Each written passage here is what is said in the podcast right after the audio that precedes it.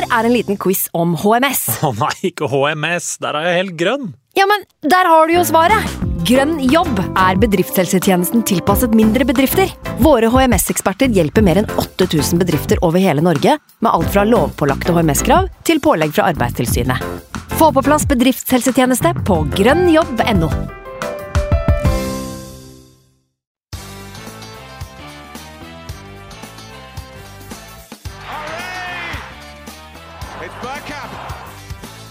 for grabs now! The next station is Arsenal. Hei og velkommen skal du være til en eh, splitter ny episode, nummer 100 i rekken der, eh, med Arsenal Station, med Magnus Johansen og meg, Simen Goffeng. 100 episoder altså. Eh, Det er jo en prestasjon i seg selv. det. Og nå skal vi fader i meg prate om 1-3 på Old Trafford, Magnus. Det blir prestasjon, det. Snakk om å time godt, da. Altså, vi runder 100, og det er akkurat sånn jeg føler meg òg. Sånn eh, fysisk og mentalt akkurat nå. Etter eh, overgangsvinduet som eh, stengte med skuffelse nå i midtuka. Og så fikk vi den eh, opplevelsen her på Old Trafford. Så Mm. Jeg håper at vi ikke høres 100 år ut eh, når vi snakker nå. Men eh, jeg, vi skal snakke oss varme, skal vi ikke det, Simen? Så det Jo, blir litt hyggelig. Vi må prøve å gjøre det hyggelig. Eh, Jeg skal prøve så godt jeg kan. Jeg kjenner at energien er ikke på topp. Eh, Jeg har jo ikke fått sett hele kampen i dag engang. Eller altså i går, når dette kommer ut på lufta. Så, så jeg sitter jo her og er avhengig av at det er du som eh, tar hovedansvaret i dag, Magnus. Jeg Skulle jo trodd at episoden episode nummer 100 så kommer man inn og er eh, helt opp i taket og tenker at nå skal vi markere, men, eh, men jeg er ikke helt der, jeg. Så jeg tror det blir en veldig downbeat uh, greie fra min side. Og så, så setter jeg min lit til deg. Og så har jo du en eh, vane med å, å få meg i humør, da. Så jeg satser på at det blir tilfellet i dag også. Jeg er jo kjent for å være den negative halvdelen av Arsenal Station-pod. Sånn at uh, hvis du er downbeat, så, så lover ikke det godt for episoden. Men uh, jeg er egentlig Jeg kjenner litt på litt takknemlighet i dag eh, når vi sitter her på tresifra antall episoder. Eh, Jeg har lyst til å snakke litt om veien hit og, hvordan den reisen har vært nå i ja, knapp, ja, knappe to og et halvt år ish, er det vel nå? Ja, vi er To vel år og to måneder eller noe Noen måneder, ja. Stemmer det. Så det er ganske Vi skal ikke kjede dere altfor mye med det, men uh, liten uh, prat om, om den reisen her og, og alle hva skal jeg si, av bekjentskaper og muligheter som åpna seg bak den døra. Det Mm. syns jeg er kult å ta med. Det har vi selvfølgelig også vært innom litt underveis i alle disse andre pratene vi har hatt. Eh, Og det, vi har sikkert noen av lytterne som har vært med siden episode nummer én òg, så de, de kjenner jo til historien. Men eh, vi har jo vært heldige, Magnus. Det har jo kommet til flere og flere lyttere egentlig for hver eneste episode. Og vi må jo si at vi er veldig stolte av det antallet som følger med her. Eh, En uke, ja, en uke er det vel mellom hver episode, og at det stadig vekk kommer eh, solide mengder eh, lyttere og, og tuner inn om det er på Spotify eller iTunes eller hva det skal være. Det, det syns vi er veldig kult. Altså. Så ja, det har vært moro. Veldig glad, som du sier, for at vi har dette stedet her. For det, akkurat på en dag som i dag, så, så trengs det. Altså ja, vi har selvfølgelig lyst til å sitte her og, og juble, men det er kanskje på de litt tyngre dagene med litt vonde resultater at man virkelig kjenner at det trengs, da. Eh, Ja. Så ja, det er en billig måte å opprettholde en OK mental helse på, for min del i hvert fall. Så gjør man seg ferdig med dritten før en ny uke venter.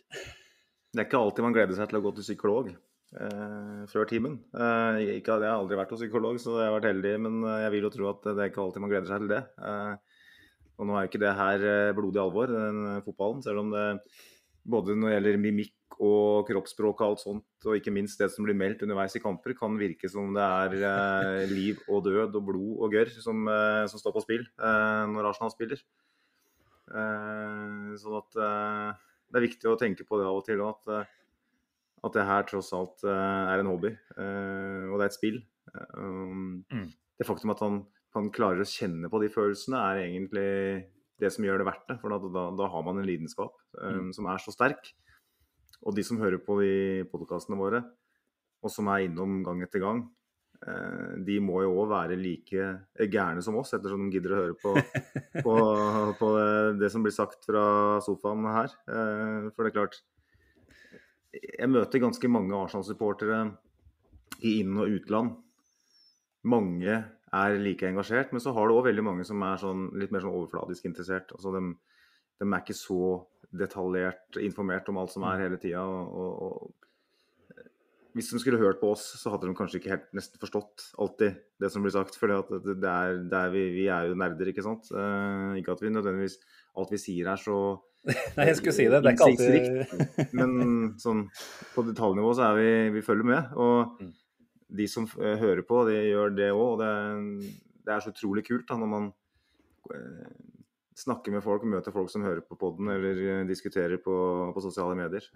merker at folk liksom husker ting som ble sagt for 10-12 episoder siden og sånn. og det, det, det, er nesten aller feteste, syns jeg. For det, det, viser at folk ikke bare setter det på når de skal sove, for å få en litt sånn groggy stemme. Da har de vel uh, Morten Ramm sin uh, pod å ty til i så fall. Altså det du nevner her med din både korkopptrekker, som jo har blitt en, en litt sånn fast biinnslag i, i praten vår iblant, og denne velkjente kjellerryddinga di. Det er jo ting som eh, stadig vekk kommer tilbake til eh, deg, det.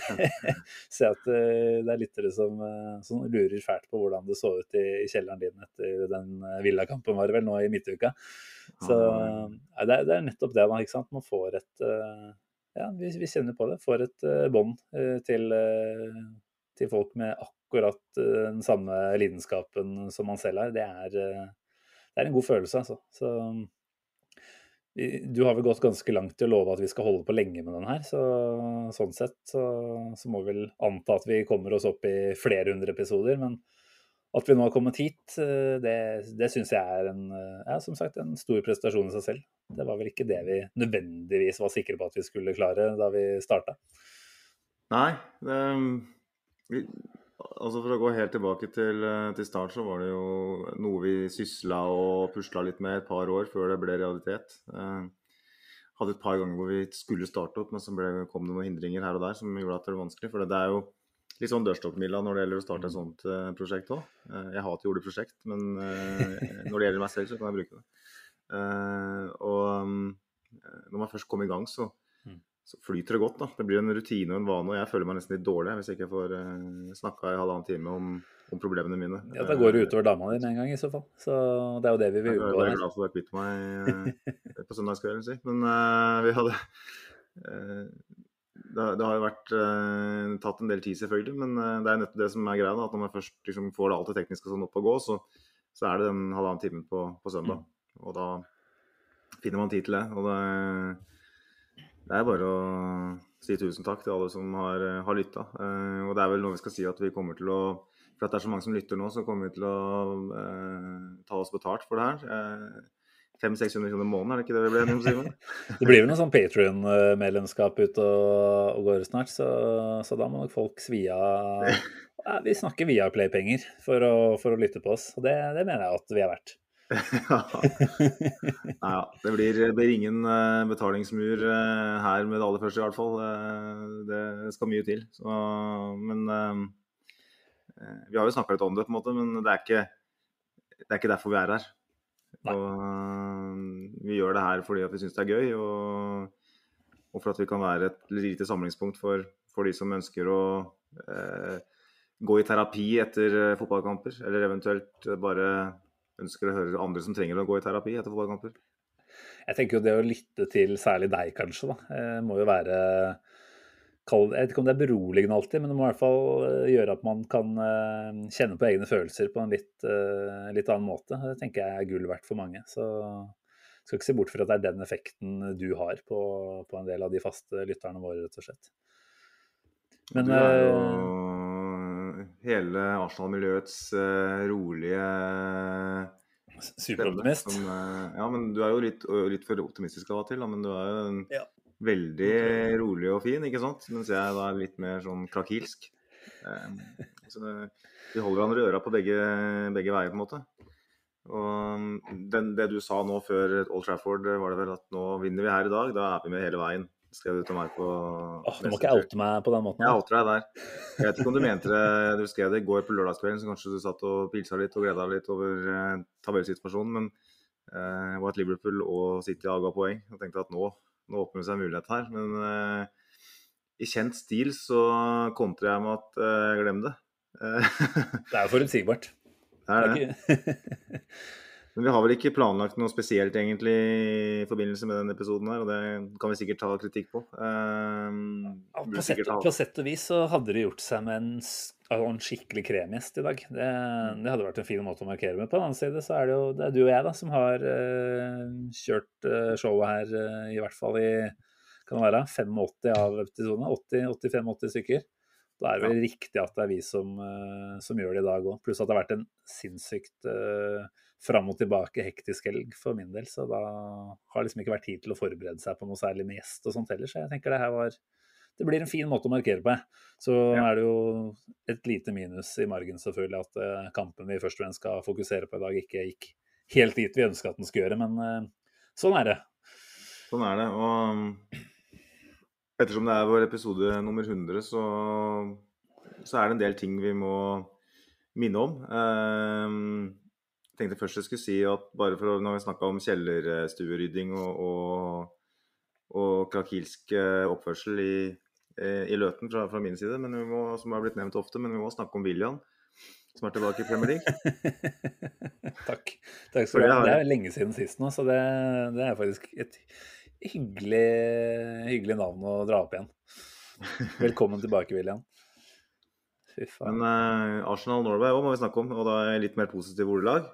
Eh, samarbeidet det fortsetter inn i, i, i neste 100 episoder, vil jeg tro. Håper jeg. Og nå har vi nevnt Trynsegode mange ganger. Mm. det er supportermagasinet som jeg har nevnt. Det er eh, billett, eh, mulighet til å søke på billetter på hjemmekamper. Eh, du har eh, 15% rabatt på fotballbutikk.no.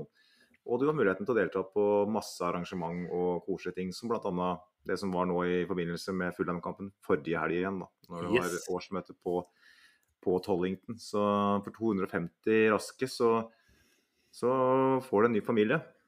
Uh, hvor, eh, En ekstra alle familie. alle. Du, du kan fortsatt ha din gamle familie i tillegg. Det er greit. Men, men det er en fin reservefamilie å, å møtes en gang iblant med, da. Det må sies. Så nei, det er, eh, det er til det kjedsommelige nå, kanskje, men eh, vi må bare si at er du ikke medlem, så vær så snill og ikke lur noe mer. Meld deg inn. Gå inn på gunners.no slash eh, bli medlem, så, så tar det deg vel ca. fem minutter, og så er det i boks. Får et medlemsnummer, kan for så vidt velge å bare få til, altså The Gunners Post digitalt, hvis du ønsker det, så vidt jeg vet. Eh, hvis du er den typen som uh, syns det blir for mye papir eh, i heimen, så, så er det mulig å få det på den måten. Men eh, nei, som du sier, det er eh, bare gode grunner. Så på det varmeste må vi bare anbefale det enda en gang. Og det er jo en av de hyggelige tingene som har skjedd på denne reisen, at vi har et samarbeid med dem. Det er jo Mm. hjelp i oss. Og vi liker å tro at vi har hjulpet dem litt òg, med lytter... Nei, lytter, lyttertall er oss, men at vi har hjulpet dem litt med medlemstallet. Det er jo ting som tyder på det. Så Iallfall med tanke på tilbakemeldingen vi har fått fra lyttere. Så det er bare å fortsette. Og gjerne når dere melder inn, så skriv at vi er kun her pga. Arsenal Station. ja, vi får ikke prosenter, nei, men eh, det er kult å, kult å vite. Og så er det jo rett og slett bare kult å bare oppleve at man er Altså man er ulike på ulike steder i supportmiljøet og i ulik grad investert her, men så, så ser man at man kan samarbeide og, og gjøre at uh, den store felles innsatsen ser enda bedre ut. Da. At vi blir en, eh, en større gjeng som, eh, som vokser på ulike måter. Jeg syns det er utrolig morsomt å, å få være en del av den Ja, rett og slett en del av det offisielle supportermiljøet. Det syns vi er en, et ærefullt oppdrag. Mm. Mm. Men eh, nå har vi snakka i 13-14 minutter allerede, Simen. Og vi skal ikke gå i den fella vi ofte gjør, og snakke altfor lenge om oss sjøl og, og sånn. Nå skal vi inn på det som er enda mindre hyggelig, eh, nemlig Old Trafford. Jeg tenker vi tar det først, og så får vi kanskje ta overgangsvindu etter det. For det er jo heller ikke Stengte jo veldig hyggelig akkurat nå. Av, eh, dramaturgien i det var kanskje ikke det vi hadde håpet på. Så vi, skal prate litt om det òg. Vi må innom det. Altså, vi har jo også da spilt denne Villakampen siden vi prata sist. Eh, Den trenger vi jo ikke å ofre noe særlig tid. Eh, Det ble jo heldigvis en seier som, som jo gjorde at vi gikk inn til Old Trafford nå med mange fine muligheter, i hvert fall. Eh, men det er Old Trafford-matchen vi må fokusere på. Og som jeg var inne på her i stad, jeg har vel da sett ca. 50% av den kampen her. Uh, en del av den så jeg mens jeg kjørte bil. Uh, det er kanskje ikke noe jeg burde si altfor høyt. Vet ikke om vi har noe politifolk som kan ta meg på det i ettertid, som lytter. Men, uh, men har vært på farta i dag og prøvde å se noen minutter her og der i et familieselskap. Det er ikke bare enkelt det, skjønner du. Så vi, vi rømte selskapet før andre gang, og så ble det litt til og fra-titting for min del. Så jeg tror når det kommer til analysen og hot takesa, så er det du vi må sette vår lit til i dag. Så skal jeg prøve å, prøve å komme inn med noen eh, tanker og innspill her og der. Ja, um, det er jo ganske mange vinklinger eh, som er mulige her, for så vidt. Eh, både positiv og negativ art. Men vi mm. kan jo starte med, med lagoppstillinga, for den, den, kan jo du òg uh, uttale deg om. Jeg regner med at du var ganske happy når du så at både Ramsdale, mm. Zinchenko og Ødegaard var i elveren? Det var jo spennende, altså, med tanke på den pressekonferansen Arteta leverte. Så følte jeg han gikk ganske langt i å antyde at de tre kunne være tilgjengelige. Eh, og en del av meg lurte på om det rett og slett var for å eh, ja, skape mer usikkerhet, og, at man egentlig så for seg at kanskje særlig Zinchenko ikke ville bli klar. Da. Det var jo snakk om at han mm. egentlig ikke hadde trent noe særlig med gruppa eh, før de reiste av gårde. Eh, nei, men når man ser lagoppstillinga, så er man jo selvfølgelig superglad. Det er det laget som har vært utpå i eh, ja, fire av de fem foregående kampene, vel. Mm. Uh, nei, Tierney har vel spilt to, han, kanskje fra start. ja, det stemmer det. Ja, det er riktig. Men uh, uansett, da, det er de vi på en måte har sett uh, spille den beste fotballen sammen. og så er det jo selvfølgelig et lite men her, og det er at man spiller borte på Old Trafford, som er en helt annen test enn de foregående kampene vi har hatt denne sesongen her. Så en tanke var jo at man kanskje også kunne velge en Tierney med tanke på det United har å by på offensivt. Men jeg liker jo på en måte tankegangen til Arteta, da, som er at her skal vi i utgangspunktet reise til Old Trafford og fokusere på oss selv og spille vårt spill. Så kan vi mm. sikkert komme inn på det etter hvert, om det er bare riktig alltid, eller om det kan være litt naivt til tider. Men jeg tenker jo at den typen Arteta er, eh, tilsier at han vil fokusere på, på våre styrker eh, først og fremst, da, kontra motstanders. Og da da tenker jeg det er en fin offensiv måte å gå ut uh, av startblokkene på. Det forteller jo noe til laget om at det er dette her jeg forventer av dere òg. Uh, eh, var du uh, for så vidt fornøyd òg, eller? Ja, ja.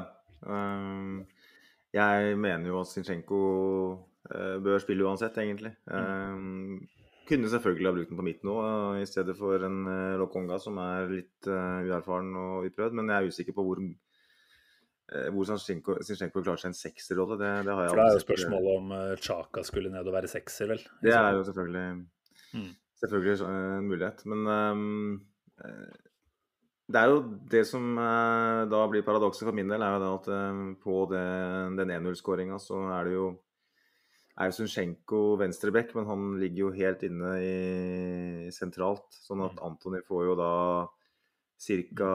et kvarter på å legge til rette og skyte den i hjørnet. Um, litt tellefeil, rett og slett. Um, så det er kollektiv, en kollektiv svikt, rett og slett, da, som for så vidt var Starter vel uh, lenger opp i banen, og så havner man på en måte én mann i etterskudd uh, i de situasjonene som oppstår. Altså Gabriel er det Fernandes han ikke klarer å enten klippe ned eller ta ballen fra.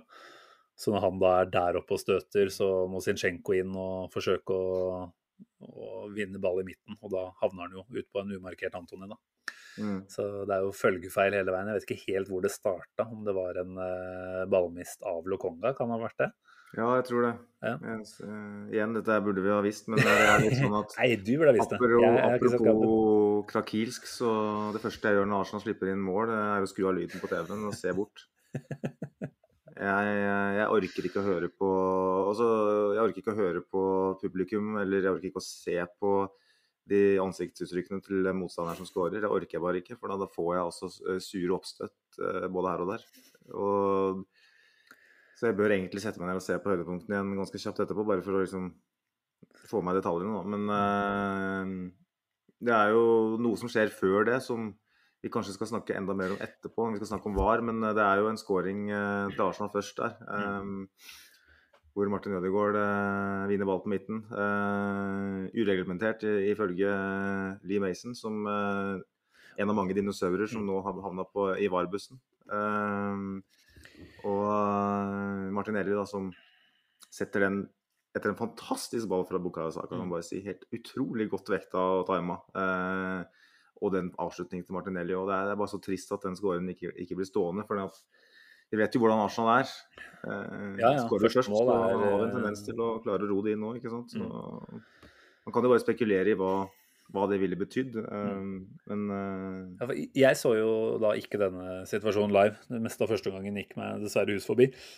Så jeg så jo det her første gang da med vissheten om at det kom til å bli annullert. da. Uh, og prøver å se på dommers reaksjon uh, når den forseelsen skjer fra Ødegaard. Og han ser jo veldig tydelig ut til å kommunisere at her spiller vi videre. Dette er en grei takling, det er en OK duell, liksom.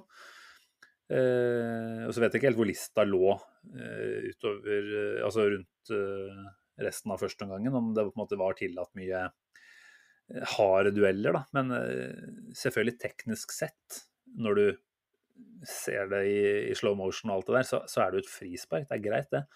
Men for meg så er det helt uforståelig, egentlig, da. Eh, at en dommer som egentlig har all den sikten han trenger derfra, eh, som godkjenner duellen i øyeblikket, eh, skal bli overstyrt på den. Da. Jeg, jeg, må bare si det. Og det er selvfølgelig med Arsenal-briller på. og Litt usikker på hvordan jeg hadde håndtert det om det hadde vært eh, motsatte forutsetninger og vi som hadde sluppet inn på den. Men, eh, men jeg, ja, det er jo clear and obvious som blir eh, begrepet vi må gå tilbake til. Og som du sier, vi skal snakke mer om VAR litt mer generelt kanskje etterpå. Men jeg syns det er, det er svakt. da, og det bare understrekes i mine øyne av at han går ut og bruker vel tre minutter og ser utallige repriser før han til slutt lander på at ja, OK, da, da er det frispark. Altså, hvis du selv har tatt en avgjørelse og trenger tre minutter med repriser for å gå ut og finne bevis for at din egen, uh, ja, din egen avgjørelse ikke da er riktig, da, da tenker jeg det står seg ikke så veldig svakt av det du dømte i utgangspunktet. Så jeg syns det er Men ja, vi vet jo at når dommerne går ut for å se på skjerm, så, så blir det alltid en reversering av den opprinnelige avgjørelsen. Mm. Eh, så enkelt er det jo, og det er jo et av problemene. Jeg eh, trenger ikke å ta, ta så mye mer om det fra min side, men jeg må si at jeg syns den er når, når, den først lar, lar den gå, da, så syns jeg den er eh, merkverdig å gå tilbake på. Ja, det er ikke, jeg er ikke uenig i det. Samtidig så syns jeg du er inne på noe sentralt når du sier hva hadde vi tenkt hvis det hadde vært andre veien. Da hadde jeg stått oppreist i sofaen og skriket frispark, frispark, selvfølgelig. Ja. Eh, og kasta korkopptrekker. Eh, altså, sånn at ja. eh, Det er jo Unnskyld at jeg avbryter igjen, men det er jo en Skal vi si det er to touch, da. To spillere til som er involvert før den ballen ligger i mål. Eh, det er kanskje litt for få. Hadde vi sett at det var eh, noen flere à la den Liverpool uh, fikk imot seg mot Fulham i ligaåpningen, da var det vel noen få sekvenser til med ballen i spill før, før Fulham skårte. Den ble jo stående. Mm. Et frispark som var langt klarere enn en det Ødegaard begikk her. Så jeg tenker jo at det det går rett og slett kanskje også da for kort tid, da, og at man mener at den taklingen får en for stor eh, konsekvens for, for resten av angrepet. Den gjør jo det, men ja, nei, jeg klarer fortsatt ikke å komme helt bort fra at når det er dømt, så, eller når det er tatt en avgjørelse av dommeren på, på gresset, så, så, er ikke det der nok, eh, i mine øyne, da, til å, til å snu på det. Nei, det er jeg for så vidt enig i, og som vi skal snakke om etterpå. Eh, La oss kalle det dinosaurtoget, som barne-TV-episoden. Dinosaurtoget. Det er vel der de sitter, disse gamle Premier League-dommerne som vi endelig ble kvitt i fjor. Atkinson, Mason, Dean. Og de skal sitte der og, med sin uh, inkompetanse og bestemme hva som skjer. Så ja, det er ikke overraska. Uh, eh, men uh, la oss vente med ytterligere utskjelling av de nevnte herrer. Vi får jo da 1-0 imot. Um, jeg syns jo vi responderer jævlig bra. Igjen, vi har jo hatt en tendens i sesongen her til å gjøre nettopp det. Da nå har vi ikke havna under mer enn én gang, er det vel. Mot uh, Fulham, er det vel. Men vi har jo fått både utligninger og uh, reduseringsmål imot. Hvor vi har bare i løpet av to minutter så har det vært en skåring andre veien. Mm.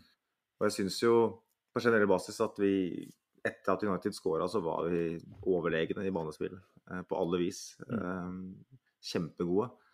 Og det er ikke ufortjent når vi får får den skåringa heller, med Bukayo Saka, som jeg igjen jeg, Vi skal sikkert snakke mer om han etterpå, men det har vært mye prat om at han ikke har kommet så godt i gang med sesongen, men i dag var han banens gigant. Han var helt enorm. Uh, og uheldig som ikke har flere målpoeng. Uh, altså Han burde jo hatt et til da, med, med den VAR-situasjonen, selvfølgelig. Det er en assist, det.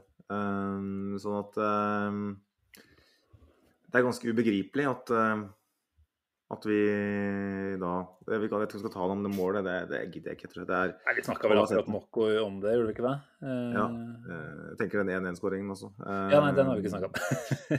men nei, de, de, har vel fleste har vel sett det. Det er nesten mer interessant å snakke om om baklengsmålene. Ja, ja, for det, det, det syns jeg er spennende. Altså, her var jo jeg da på vei hjem igjen fra selskap og satt med mobilen eh, ved siden av. Eh, får dette målet og tråkker litt ekstra på gassen og kjenner at jeg blir gira opp. Eh, men så lurer jeg jo på om Arsenal også, istedenfor å tråkke litt mer på gassen, burde ha valgt en litt annen tilnærming. Altså, jeg mm. vet ikke hva du tenker der, men vi vet jo at United har, om ikke ett eh, S opp i ermet, så er det ikke langt unna i hvert fall. Det er kontringsstyrken sin. Eh, får utligning Paul Trafford, som isolert sett er et kjemperesultat. Eh, men eh, som det er, vel, er det en halvtime igjen cirka, når vi utligner. Eh, det er rundt 60.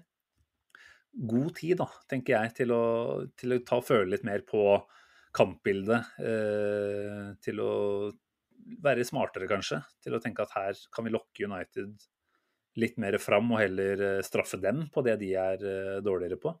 Mm. Um, jeg vet ikke hva du tenkte der. Er det sånn at du syns det er riktig at man fortsetter å pushe og, og ja, gønne på med samme, samme, fremgangsmåte, eller burde vi vært litt mer konservative slash uh, smarte i, i det taktiske der, tenker du?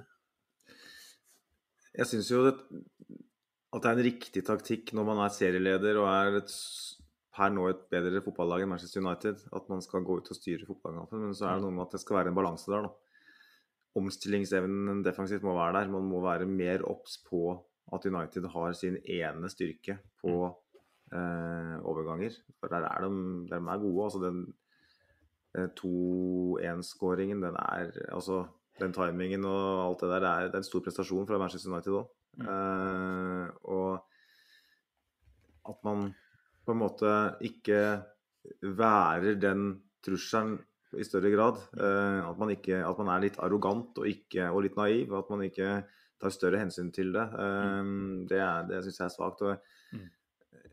Det var jo akkurat i oppspillsfasene der så mangla vi jo kanskje den uh, midtbanespilleren som ligger litt dypt og som skjold foran uh, forsvarsspilleren. Da, fordi at uh, Hvorfor de skal få lov til å, å, få så god tid til å slå de gjennombruddspasningene. Det er jo der man må stoppe angripene hvis man skal spille på den måten. Man, man kan ikke hvis man skal stå så høyt, så da er det for sent når den ballen kommer gjennom der. Når du har en type som Michael Rashford som er såpass kjapp og en Christian Eriksen som er fotballsmart som bare faen. Eh, Bruno Fernandes det samme. Eh, så jeg syns det var eh, litt, litt, urovekkende å se hvor lett de tok oss på kontra. Det var noe litt gammelarsenalsk eller wengersk over måten vi framsto i dag. hvor mange ganger har Arsenal reist til Old Trafford og vært det beste laget i samfunnet 90, og likevel reist med både to og tre og fire i sekken? Som Patrice Evra har gnagd på i sosiale medier at uh, det var uh, babies versus menn, eller hva han pleide å si. Uh, det var liksom Gang på gang på gang så, så var vi Gikk vi ut og styrte og bestemte, og så var det bare så naivt. Eh, og det, det, det så vi jo borte mot, i bortekamp mot andre store, andre store klubber òg, men uh, jeg føler at under Arteta så er vi mer taktisk uh, kloke. Uh, vi er mer resolutt, mer kynisk. men så er jo på en måte hans måte å bygge klubben på nå, at han i større grad nå har hva skal jeg si, ja, lost the shackles, som man sier i England. Man har fjernet kjettingen fra, fra beina, nå skal det kjøres. og vi har vel holdt 0-1-kampen sånn i sesongen, stemmer det? Ja, vel opp i to, da. Eh, er det Bournemouth to? Eh, også, selvfølgelig. Bournemouth, ja. Ok. Ja. Eh, men vi slipper jo inn en del mål som man kanskje burde ha unngått. Mm. Vi spiller på høyere risiko. og i enkeltkamper her og nå, her og da, der og da, så må man ta større hensyn til, til mm. motstander. Og mm. skal man stå høyt og bestemme på den måten, så må man òg være sikker på at man har de rette ingrediensene i omstillingsfasen defensivt. Mm. For at man taper rett og slett kampen på små øyeblikk her. Mm. Men en ting jeg er nysgjerrig på jeg, om, altså jeg er ikke ute etter å ta noen, og absolutt ikke de som er unge og, og kommer inn og gjør en jobb og ikke har nødvendigvis spilt seg helt varme, tror jeg. Men Zambi Lokonga snakka vi om på 1-0, eh, er med på å gi bort ball der. Eh, på 2-1 så tenker jeg at hadde vi hatt en party på banen, så slipper vi ikke nødvendigvis inn det målet i det hele tatt. For da har vi en defensiv midtbanespiller som vet å posisjonere seg, som vet å stenge av de riktige vinklene. Mm. Eh, jeg vet ikke hva slags eh, jobb Zambi hadde fått beskjed om å gjøre i dag, men jeg ville jo i utgangspunktet trodd at den jobben på mange måter burde være å screene eh, foran, foran forsvarsfireren. Da. Mm. Og I så fall så gjør han jo ikke den jobben spesielt bra. Hvis det er sånn at han har fått beskjed om å gjøre noe annet, så greit nok. Men, eh, men jeg ville jo på en måte tenkt at det behovet, kanskje særlig en bortekamp på Old Trafford, definitivt er til stede. da. Det ville vært rart å gå vekk fra en så viktig nøkkelrolle med en så viktig funksjon eh, i en kamp som denne. Så eh, ja, nei, jeg sier det er tidlig og, og sånt. Da. Det er fristende å si at hadde vi hatt party, så hadde vi, hadde vi ikke sluppet inn 2-1. Kanskje ikke 3-1 heller. Eh, men jeg lurer på om hadde vi hatt en Lene utpå der, så hadde vi kanskje heller ikke sluppet inn eh, de to måla. For det, han vet å, på samme måte som Party, være riktig posisjonert defensivt. Da. Og der syns jeg, ut fra de høydepunktene som jeg så, i hvert fall, at Zambi var all over the place. Ja. Eh, og igjen, det er ikke for å ta han, men det, det er liksom nok en erkjennelse da, av at vi er tynne når ikke særlig Party, men også Elneni da er tilgjengelige. Eh, er det sånn at du syns at Arteta skal plukke en liten høne med han og snakke om eh, defensiv posisjonering, eller eh, tror du han har fått andre arbeidsoppgaver? Ja, nei, det, Han kommer godt unna det når det gjelder um, Hva skal jeg si det, Når Arsenal har ball og ja. har flere fine baller gjennom ledd og spillvendinger, ikke minst. Han mm. er jo vanvittig presis når han uh, slår de der diagonale. Mm. Det så vi jo mot uh, Aston Villa. Uh, men ja, det er klart Det er jo veldig merkelig om han ikke er instruert til å, å bidra defensivt. Spesielt når man i tillegg har en Zinchenko som går inn sentralt i, i, banen såpass mye. Uh, I så fall så må Granit Xhaka òg være enda, mer, mm. enda dypere. Um, han var jo heller ingen sted å se, så vidt meg, så jeg kan huske. I, i, men da vel, kommer angripende først og fremst sentralt opp på, mm. på sida til Ben White, da, som hadde uh, veldig store vansker med Rashford. Han hadde ikke sjans. Han ble jo rett og slett uh, statist i de situasjonene der. Um, og han var jo veldig offensiv i dag òg. Um, kanskje for offensiv. Uh, Saliba kom jo igjen veldig godt unna fra det, egentlig. Uh, jeg så han hadde flest pasninger og høyest pasningsprosent av Arsenal-spillerne i dag òg. 97 Det er jo helt uh, spinnvilt. Mm. Sånn at når Arsenal har ball, så syns jeg alle elleve på banen gjør en god jobb. Mm. Men når vi ikke har ball, så glipper det. Og. Jeg føler at Arsenal har blitt så utrolig mye bedre uten ball under Ariteta. Uh, dette her var et lite gufs fra fortida. Og kanskje òg, hvis det er lov å trekke paralleller til den Tottenham-kampen i, i, mai, som vi helt vil glemme, uh, hvor vi gikk ut litt naivt og, mot et lag som har én styrke, og det er å kontre. Uh,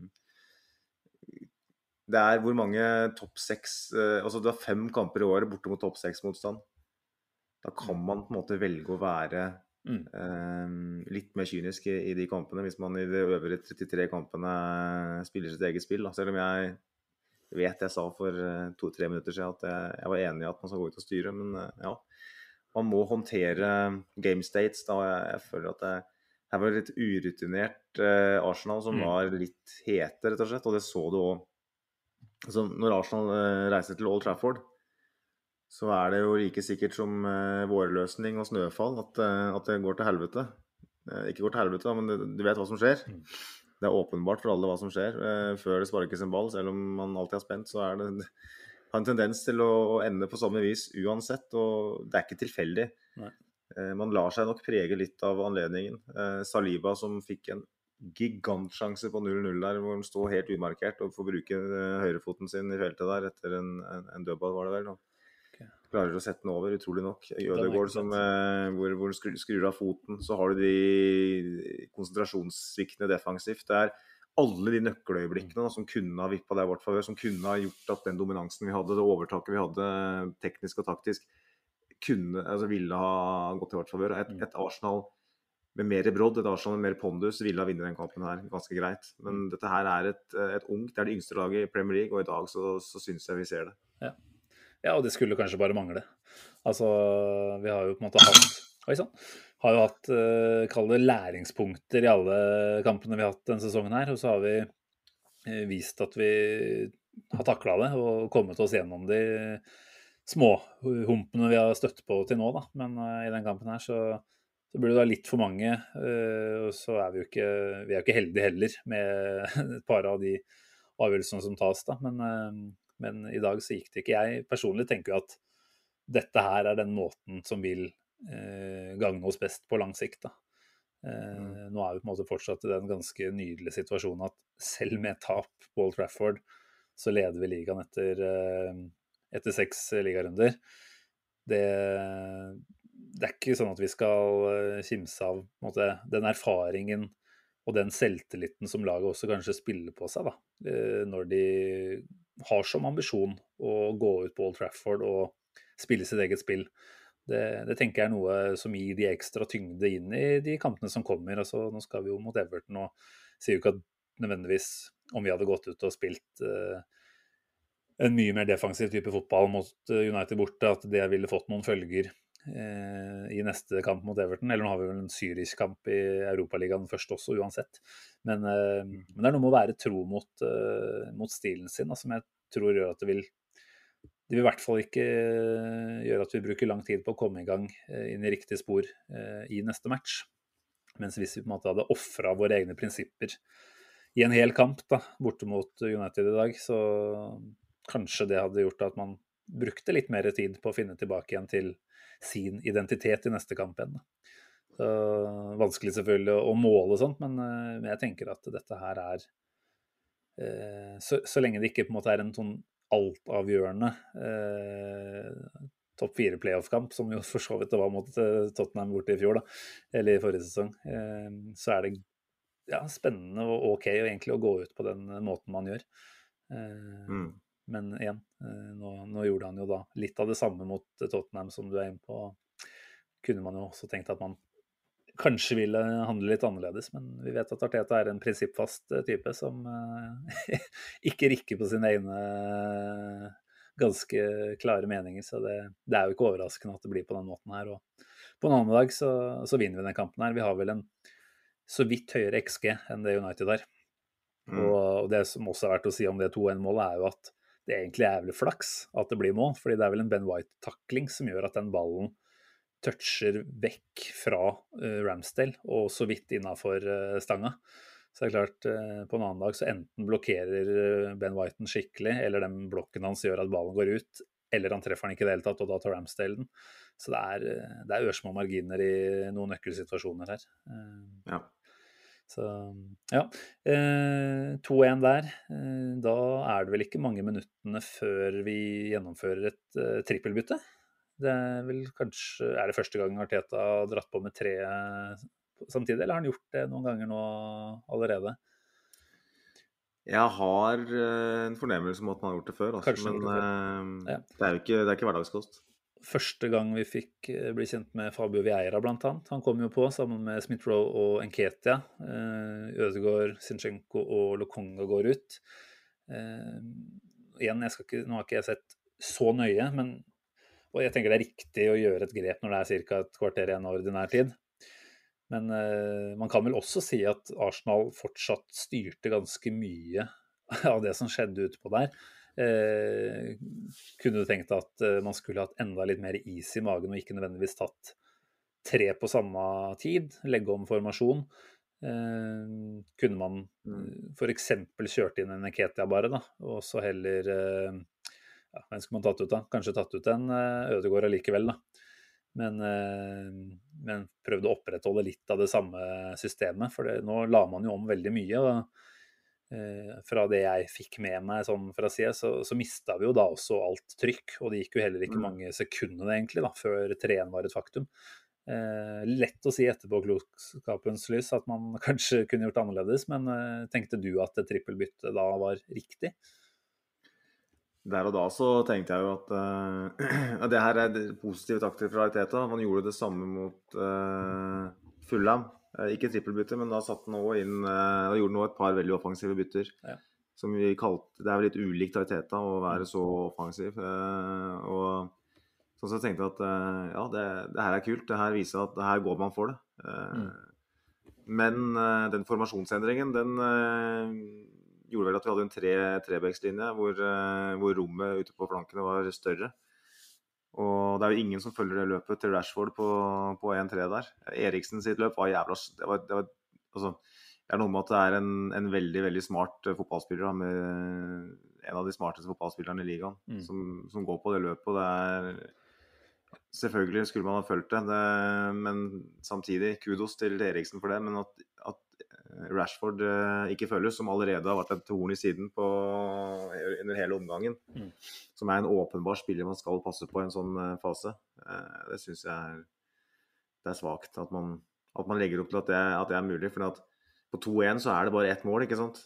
Man, man må fortsatt ta hensyn til kontringsstyrken til United. Mm. og når man da i tillegg ikke oppnår å skape et større trykk på, på laget, så, på United, så, så er det jo Ja, man kan kunne si at det ikke funka. Eh, og um, Smith-Roe syns jeg har sett veldig begrensa ut i alle innhopp han har hatt så langt, eh, stort sett. Og jeg ser Mulig Ødegaard var eh, sliten, jeg vet ikke, men jeg ser liksom nesten ikke vits med å sette den på sånn som det er akkurat nå. Mm. Uh, Vieira vet vi jo veldig lite om, eh, fordi han, han debuterte jo i dag. Han hadde jo annet en, uh, en pasning på tvers eh, inn i boksen eh, mot en Ketia, var det vel, som det lukta skikkelig svidd av. Mm. Eh, en fantastisk ball som har vist liksom, tegn på hva han kan. da. Eh, veldig direkte i spillestilen. Um, så spennende det. Nketia igjen. Um, Livlig. ikke for mye involvert i dag, men du ser jo at, eh, at han har blitt en Vi vet jo hvor god han har vært i de innhoppene, så det, det byttet Jeg forstår eh, Nketia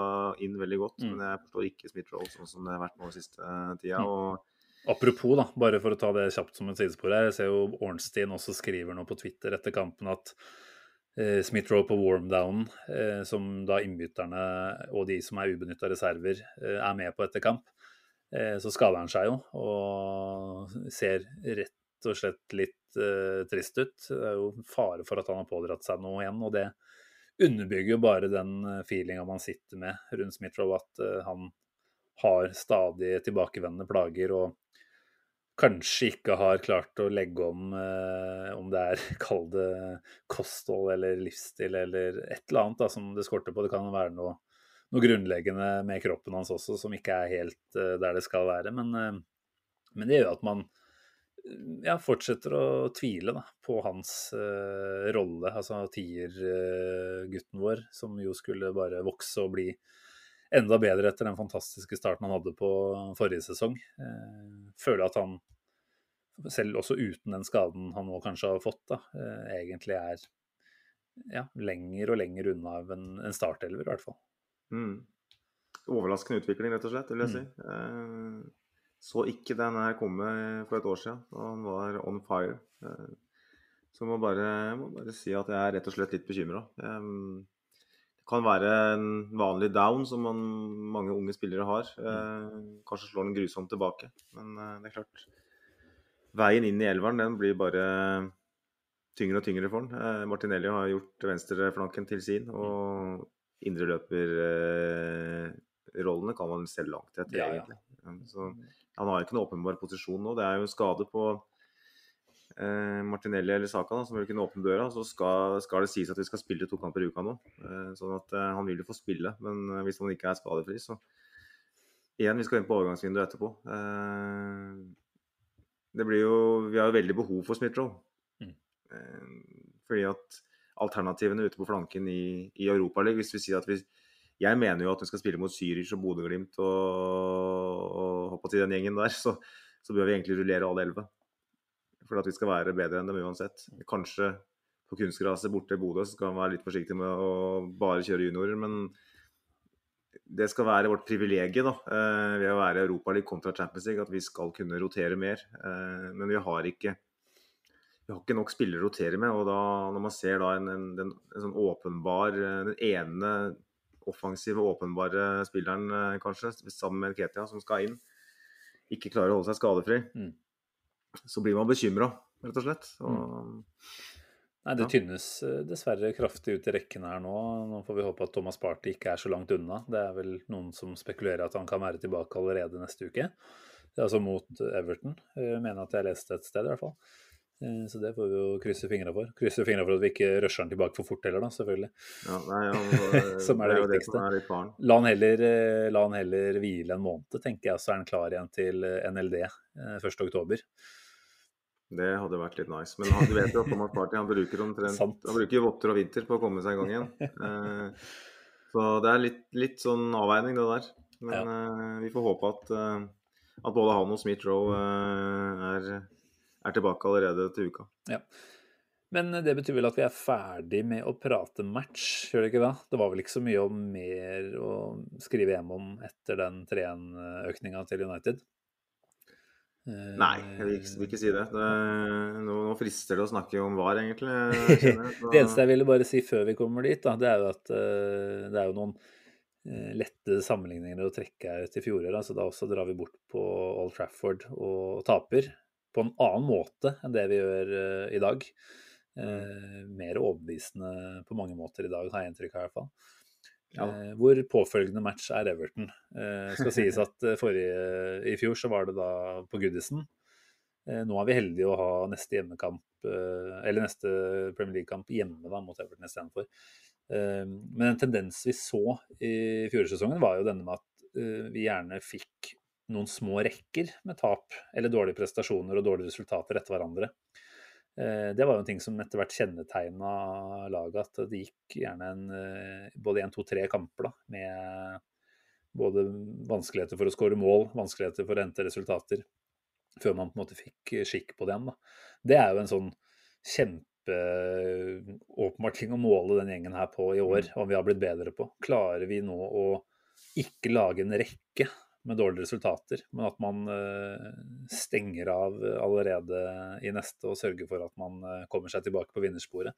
Det syns jeg blir veldig spennende, i hvert fall. Eh, Arteta fikk vel spørsmål om noe i den, i den sjangeren der nå etter kampen, om han var bekymra for selvtilliten til gutterne og sånt, og han svarte vel veldig kontant nei, fordi prestasjonen var så bra. Mm. Det er jo ikke til å stikke under en stol at det å tape kamper, det, det medfører mer eh, tvil til seg sjøl. Det er jo det berømte Wenger-sitatet om at eh, selvtillit eh, går, bygges opp ved å gå opp trappa og raser ned igjen med heisen. Så igjen, ja, prestasjonen var bra, men det blir veldig spennende å se hvordan de på en måte nå takler det å ikke føle presset, fordi de er jo for så vidt i en veldig fin tabellmessig posisjon fortsatt, hvis man begynner å se dit. Eh, Men, mm. men ja, jeg tenker eh, vi, vi har ikke råd til å ha én og to kamper til nå da, etterpå som, eh, som vi ikke klarer å komme i gang igjen i. Eh, At vi klarer liksom å gå ut og, og være intense og, og kvele Everton i første omgang.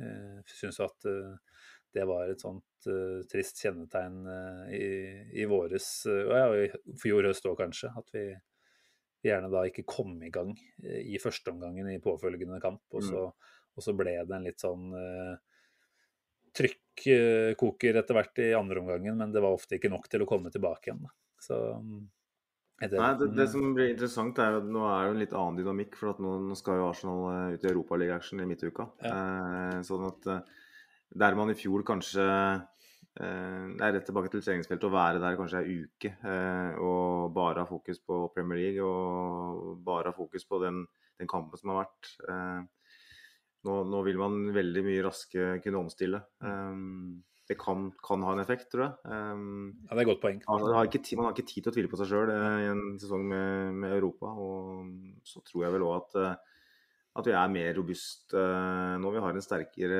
en mye sterkere førsteelver. Um, I fjor så var førsteelveren vår uh, hadde visst åpenbare hull. Lettere å, å skubbe på Arsenal for et, en mindre klubb i, i, i fjor enn det er nå. Og når det er sagt, så Premier League, Everton, de har vært ganske mm, solide, dem òg, sånn uh, defensivt de siste par matchene. Det har jo stabilisert blir- seg absolutt, og de kommer jo fra en positiv opplevelse de nå med 0-0 mot uh, Liverpool.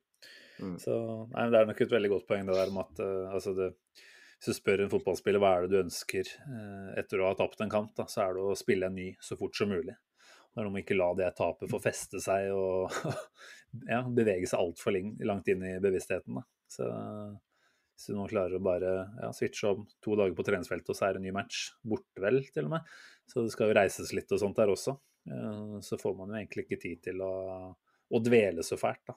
Man må bare i gang igjen med en gang. Og så får vi heller satse på at vi da kommer oss eh, tilbake i, i normalt arbeidstempo i Zürich-kampen, og så er vi helt oppe og nikker fra start mot Everton. Men eh, nei, det blir interessant å se. Skal vi gå videre til uh, mammuten i annekset? Hva heter, hva heter mammuten? Mammuten er det- heter eh, Nei, jeg får spørre papputen og mammuten hva de heter. Er ikke noe sånn man sier, da? Uh, Uff a meg. Der. Kan vi spole tilbake? aner jeg ikke hva du snakker om. Jeg Jeg kan sikkert, eh, mammut- kan mammut slette dette her. Gjør det. Vær så snill. Nei, jeg gjør ikke det. Men uh, overgangsvindu, det må vi ta en eh, ærlig prat om. Skal vi ikke ta VAR først? Det var det var, ja. Sorry, sorry. sorry. For det jeg vil snakke om, det er det som er mammuten i kåte. Ja, jeg syns det er en uh, liten, liten babyelefant, i hvert fall uh, i overgangsvinduet også. Ja, det kan jeg godt, eh, godt være enig i, men uh, jeg lar meg ase opp av uh, VAR. uh, ikke VAR, da, men av de som sitter og styrer det nå. Mens overgangsvinduet det har jeg fått litt på avstand allerede.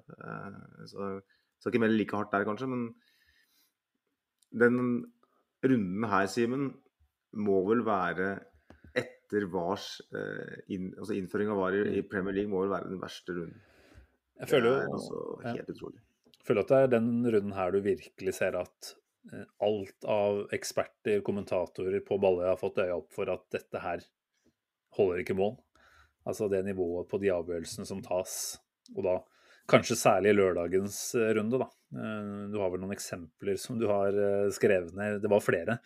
Det var hva skal vi si, Newcastles som burde vært ledermål mot Palace. Mm. Eh, Kommer flere. Eh, Eh, Chelsea-Westham, den er Ja, kanskje den verste. selvfølgelig, Eh, når eh, Jared Bowen kolliderer med, med Mendy etter at ballen er, er spilt. Altså en helt uskyldig kollisjon mellom to spillere, hvor Mendy selvfølgelig gjør alt ut av den situasjonen og ruller omtrent hele veien ut i Themsen. Så er det mm, Altså, den, den situasjonen altså man, man, man lurer liksom på er det, er det noen som drikker på jobb her. Eh, Det, det går bare ikke an å ha så utrolig eh, dårlig dømmekraft. Eh, dømmekraft er noe av det viktigste du har når du er dommer, vil jeg påstå. Og det er eh, at man, man kan ta en avgjørelse som ingen forstår. Mm. Bortsett fra de som har tatt avgjørelsen. Og hvor man attpåtil da ikke får en forklaring fra de som har tatt avgjørelsen. Man skal bare akseptere at en, en, en avgjørelse som ikke i mening, er tatt, og gå videre. Eh, kanskje får en stakk, for stakkars uh, Madley én match i championship. eh, mm. det er, vel det, det, er- det er vel det som er konsekvensen i så fall. Og vi får ingen forklaring, vi som sitter og ser på. Og jeg tenker, hadde jeg vært Westham-supporter i går, så hadde den korkopptrekkeren min vært eh, i tusen knas. Den hadde, Historie. Ja. Altså, den hadde blitt eh, altså, maltraktert på, på en måte som eh, korkopptrekkerhistorien ikke tidligere har sett. Eh, for at det må jo ha vært det aller sureste baklengsmålet å slippe noen eh, Nei, det er ikke baklengsmålet, det var den aller sureste opplevelsen ever i fotball. Eh, er det mulig? Jeg, jeg, jeg klarer ikke å forstå det. Altså, alle har sett situasjonen, selvfølgelig, men det har du sett òg. Altså, bare ta den, og så tar du den Newcastle-situasjonen hvor eh, eh, Det er en Palace-spiller som Palace-spiller som dytter Joe Willoch Ja. inn i, i, i, eh, Palace-keeperen, Guaita. Eh, og så går ballen i mål. Eh, og så blir det annullert. Eh, altså det er en, det er altså da en, en Palace-spiller, forsvarende lag, som eh, gjør en forseelse. Og så slipper de unna med et frispark. Det er bare helt Det er helt sinnssykt. det er helt hinsides. Jeg må spørre deg, Simen. De, altså, vi, vi kan klage mye vi vil, vi også på den Martin Ødegaards situasjon i dag. Mm. Men det er jo bare en dråpe i havet i forhold. Det er her, de to situasjonene der spesielt. Og så jeg vet eh, det er et par til. Ja, det var et par til òg. Jeg husker ikke sånn på stående fot akkurat hva det var. Men, eh, men de to vi snakker om her nå, i begge de tilfellene så stemmer det at det ble eh, gitt scoring, og så blir det overstyret av VAR, ikke sant? Ja. Og da tenker jeg jo De som sitter og styrer, har sørga for å, å bruke VAR totalt motsatt. Altså, det er jo én ting man ønsker i fotball, det er én ting som er sjelden i fotball, og det er skåringer. Altså, Newcastle-kampen hadde vel ingen skåringer til slutt. Da. Og uh, når du faktisk har helt legitime, greie mål, og så presterer man å finne noen stillbilder i Ja, altså, du ser ikke helheten. Du velger deg ut en ørliten uh, sekvens, Uh, og selv den er jo egentlig ikke nok. Men til å liksom da ta vekk det som er det beste med fotballen, da, da har uh, man misforstått jobben man er satt til å gjøre totalt. Da. Eh, og du lurer jo på, du sa det vel selv, lurer du på om de nesten gjør det med vilje og gjør det så ræva for å sørge for at VAR blir fjerna. Så kan gå tilbake til å bare drive med on-field-dømming. Men eh, det er helt sjanseløst, det vi, vi så her nå. Og det store spørsmålet her blir jo kan man finne noen forklaring etter hvert. Får man de nevnte dommerne til å, å komme ut og, og beskrive hva de har tenkt i de situasjonene her? Eh, helt sikkert ikke, men eh, når man ikke da får det, så er det helt umulig å, å ha troa på, på det her. Og vi, vi snakka jo om det før den kampen vår også, at nettopp med dette VAR-bakteppet vi hadde på lørdagen Vi kommer til å få et eller annet å irritere oss over, vi òg, med to dommere som er fra Greater Manchester, én på banen og én i VAR-bussen. Det er klart at uh, er, ja, Den er ikke like ille, men uh, den den er på en måte nok til å i hvert fall komme med spørsmålene igjen. Clear and obvious. Hvor er, hvor er den linja der, da? Og i både Newcastles sitt tilfelle og, og Westham sitt, så er det jo ikke i nærheten av å være clear and obvious engang. Thomas Leira skriver jo til oss på Twitter da, i den forbindelse Han, han ber oss uh, forklare clear and obvious. De var-greiene i England ødelegger nesten all glede med, med fotballen. Um, Ja, Hvis du klarer det, så tenker jeg du skal få deg en ny jobb, Magnus. Hvis du klarer å forklare hvor den linja ligger. For den er jo en smatt på pekefingeren opp i lufta, det. Den er jo vidt forskjellig ut ifra hvem, du- hvem du spør.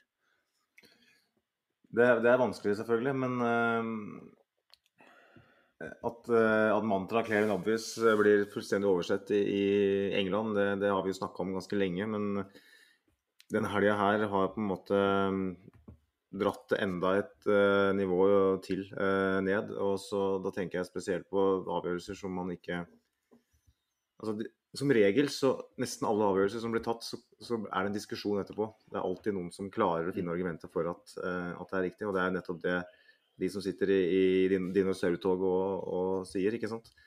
Eh, her, hvis du ser på det fra den vinkelen her, i det, akkurat det sekundet her, så, så kan man forstå det, men det blir tatt avgjørelser som bare Det er så åpenbart feil at, at at, at jeg, jeg, bare forstår det. Jeg klarer ikke å forstå det. Jeg, jeg er ikke med på den korrupsjonslinja.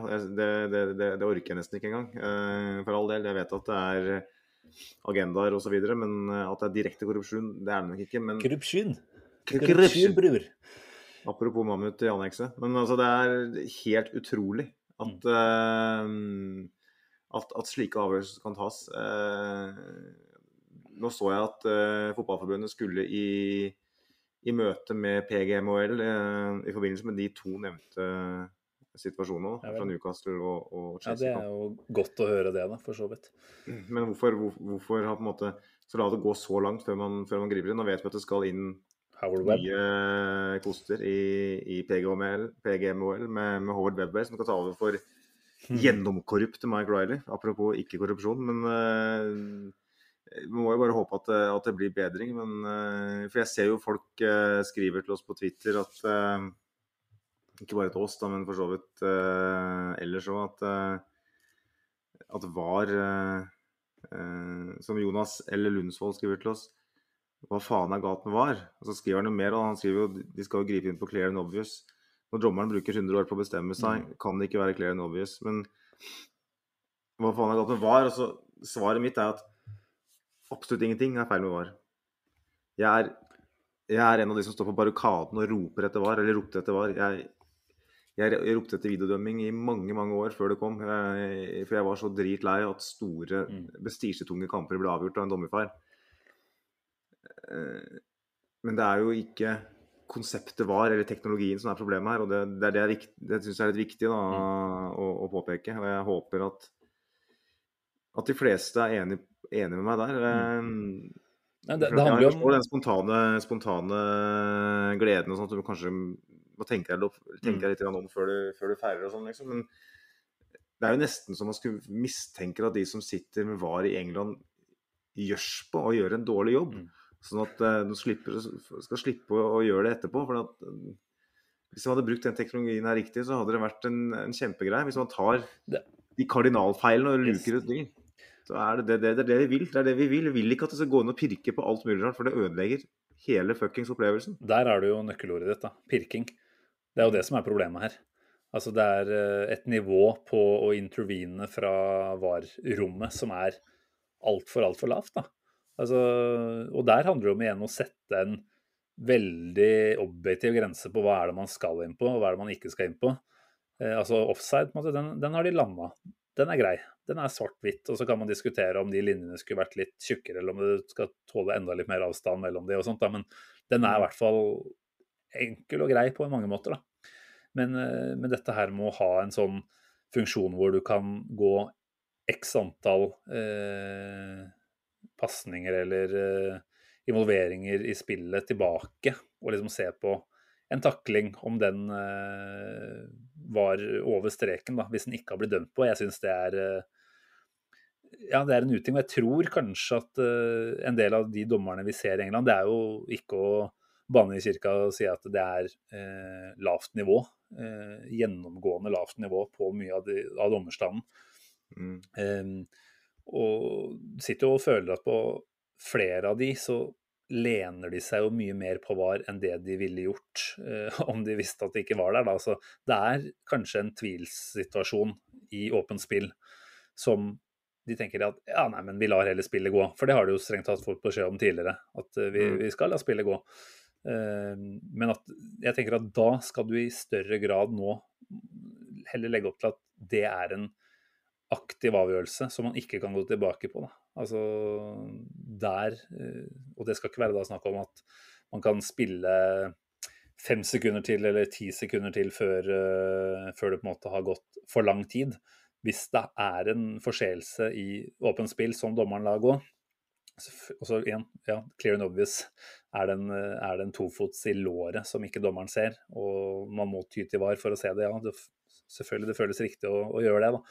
Men, eh, men her er det snakk om en, i Ødegårds tilfelle i dag, en filletakling som aldri ville medført eh, verken noe gult eller rødt kort, selvfølgelig.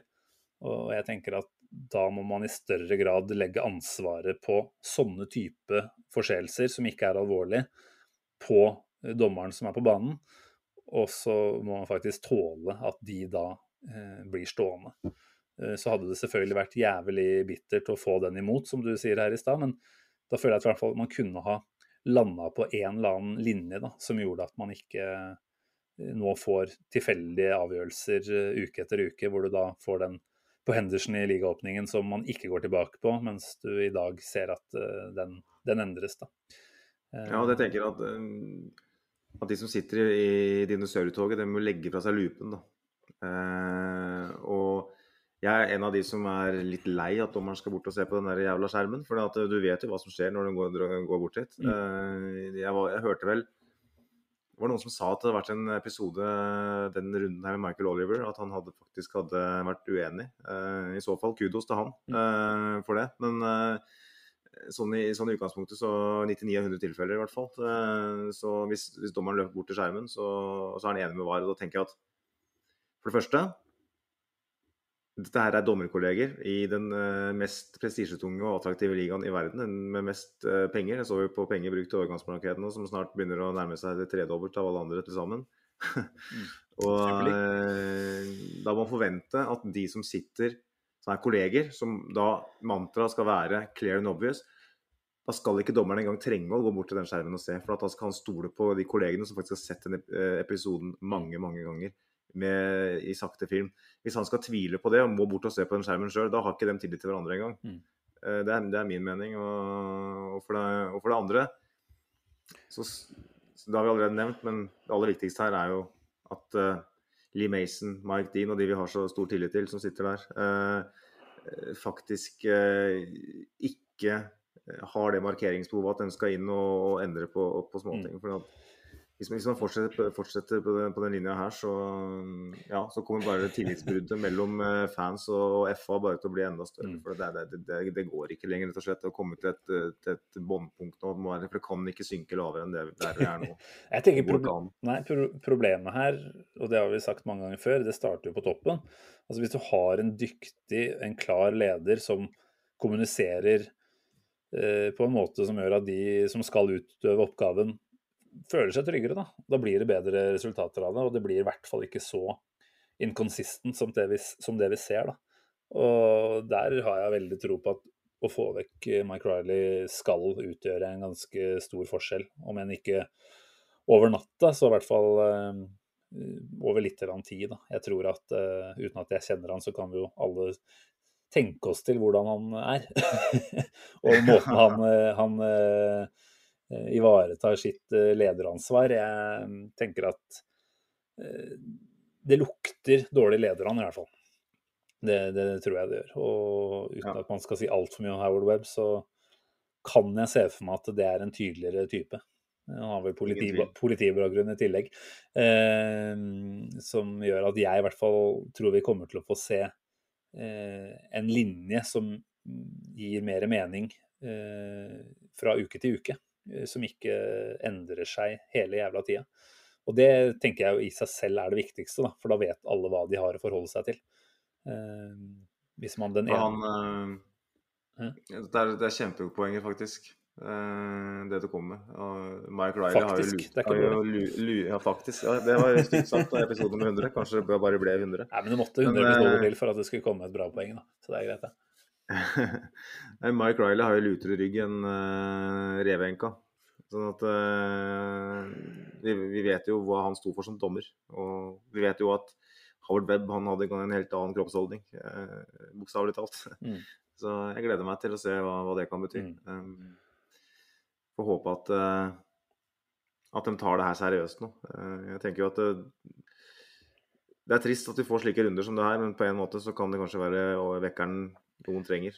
Ja, og jeg føler jo som sagt at uh, den uh, match of the day-en i går uh, i større grad enn jeg kan huske, virkelig nå tok det for seg. Og jeg tror det har blitt en, en så stor snakkis på Balløya da, at det er ikke til å unngå at det, at det gjøres Igjen skal jeg ikke si at det gjøres noe med det, for det har på en måte allerede blitt gjort noe i form av å bytte ut lederen her. Men det er jo ikke fra Det er vel neste sesong fra først? Eller kommer det underveis i denne?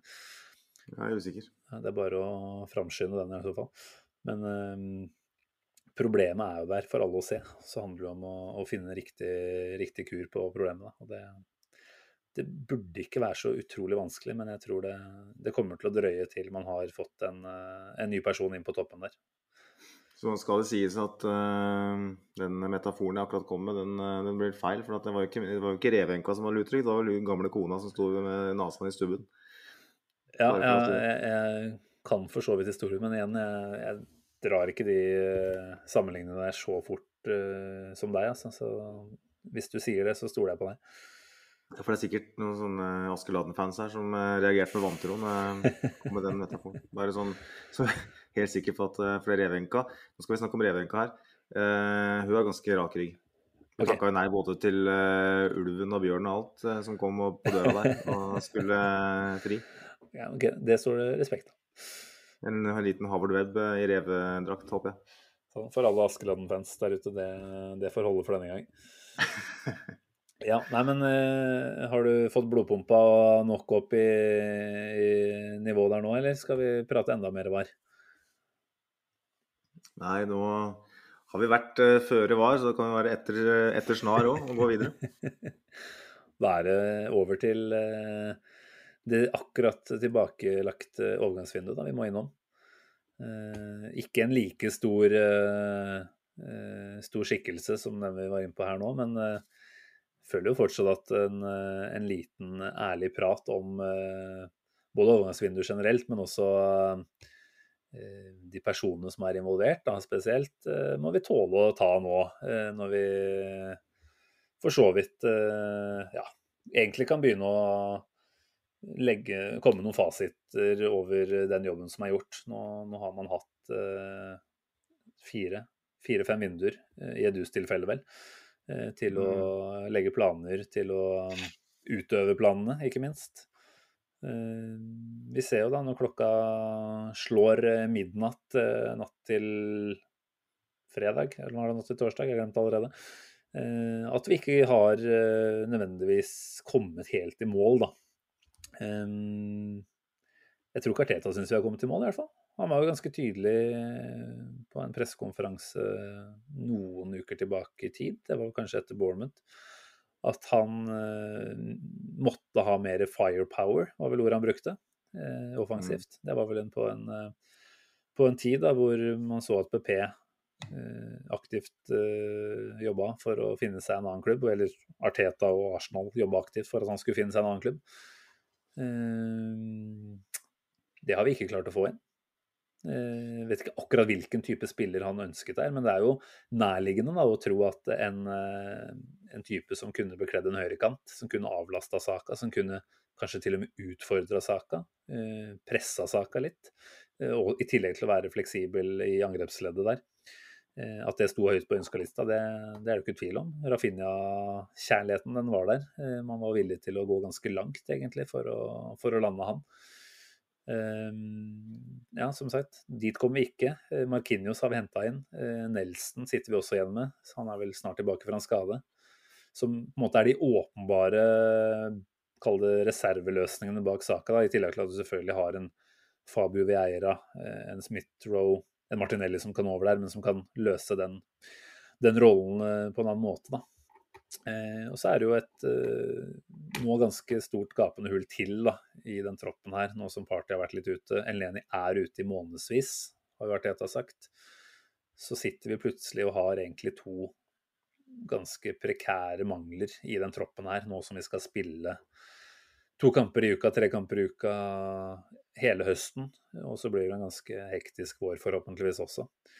Eh, jeg vet ikke, Har du lyst til å komme med dommen din Magnus, over den uh, jobben som er gjort på overgangsvinduet i sommer? Ja, det var det, da. Um, jeg meldte jo krast og svulstig eh, til deg at jeg ga det fem av ti på torsdag, var det vel, når vinduet stengte. Når det var ferskt? Da var jeg ganske forbanna. For det, det er den jeg er, kanskje. Men jeg bare syns det var eh, svakt å havne i en situasjon der eh, man ikke får den midtbanespilleren eh, som jeg og du òg har snakka om forrige gang eh, senest. At vi, ment, vi har ment hele sommer. At vi trenger en, en bedre backup enn El Neni eh, til Thomas Partey. Mm. Og nå er han attpåtil da ute i månedsvis, så ja, eh, da var det veldig prekært. Og det er klart eh, Det kunne man ikke forutse, selvfølgelig. El Neni er vel ikke en spiller som har til vane å være eh, på, på fysiorommet. Mm. Men at vi skal være i en situasjon der vi er så avhengig av at El Neni er frisk For vi vet jo at Thomas Party ikke kommer til å være frisk hele sesongen. Det syns jeg var naivt. og når man har gjort så mye bra som han tross alt har gjort, mm. så blir det litt sånn som vi ofte følte under, under Wenger, da, at vi var liksom den ene, en eller to spillere short hele tida til å virkelig ta opp kampen. At vi liksom ikke gikk den ekstra mila da, når man virkelig hadde muligheten. Og jeg er for så vidt glad for at man ikke sprengte banken for Douglas Louise hvis han ikke er den spilleren de ser for seg på sikt. Mm.